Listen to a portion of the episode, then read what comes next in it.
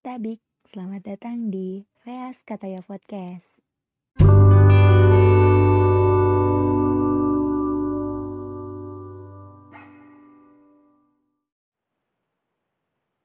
Hai teman-teman, minggu ini aku kembali dengan podcast yang akan jauh berbeda dari sebelumnya. Karena aku hanya akan membacakan tulisan singkat yang semoga bisa kalian ingat. Yang semoga dengan tulisan ini kamu bisa menangkap makna, entah sebagai suatu perenungan, entah sebagai sebuah harapan, entah sebagai sikap dari keputusasaan. Selamat mendengarkan.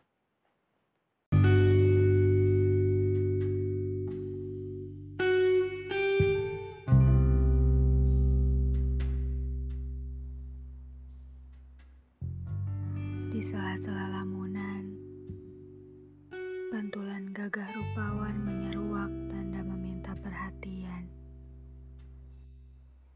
Meski di kenyataan, itu hanya sebatas anganku bercampur seduh lagi sedan.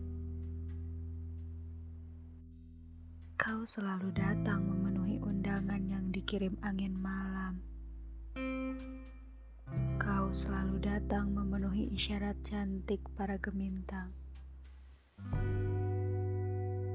Aku jatuh cinta, Tuan.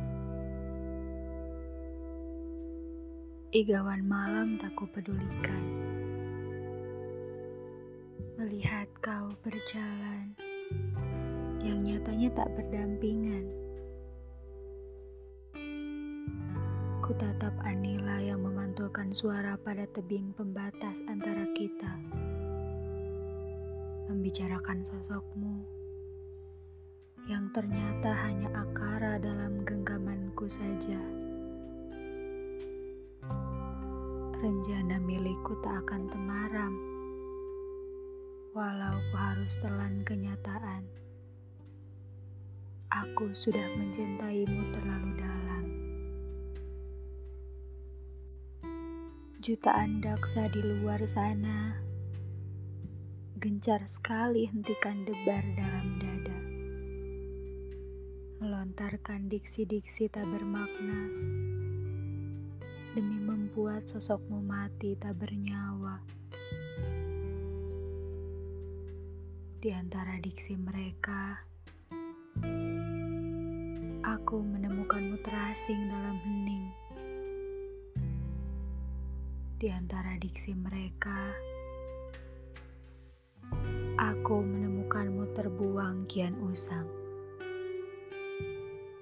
Aku kemudian berpikir,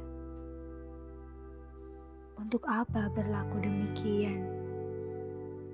Di saat bayangmu saja paling berkilau di ruang gelap tak bercahaya. Untuk apa berlaku demikian? di saat bayang mulah yang paling terang menyingkap kelam. Siluet pagi Bagaskara menelusup lewat jendela. Ia menelusup lewat jendela, memberitahuku jawaban atas semua tanya. Tentang sajak yang hampir kehilangan makna tentang aku yang hampir gagal menemukanmu dalam ribuan atma. Tapi, intuisi berhasil menuntunku kembali. Ia berhasil menuntunku kembali pada bayanganmu yang sederhana. Ia berhasil menuntunku kembali pada bayanganmu yang fana. Kemudian, dari mereka yang gagal menyembunyikanmu dalam bisingnya suara kota, karena aku tahu kau sebenarnya terlampau sederhana untuk kuterka. hingga kembali raga tersadar. Tokoh utama dalam lamunanku kini berpendar, samar, kembali menjadi bayang dalam angan-anganku seorang. Kini, yang dapat kulakukan adalah terus menuliskan tentangmu, terus menuliskan tentangku terus menuliskan tentang kita, agar jejak yang tidak pernah ada tetap abadi.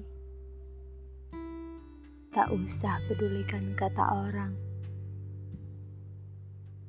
tak usah pedulikan mereka yang berkata bahwa kau yang tak pernah menoleh sama sekali. Lantas, untuk apa aku pedulikan?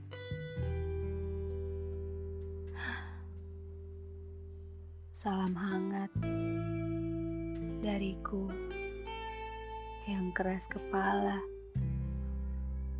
Keras kepala hanya dalam perihal mencintaimu saja. Semoga kau lekas menjadi nyata.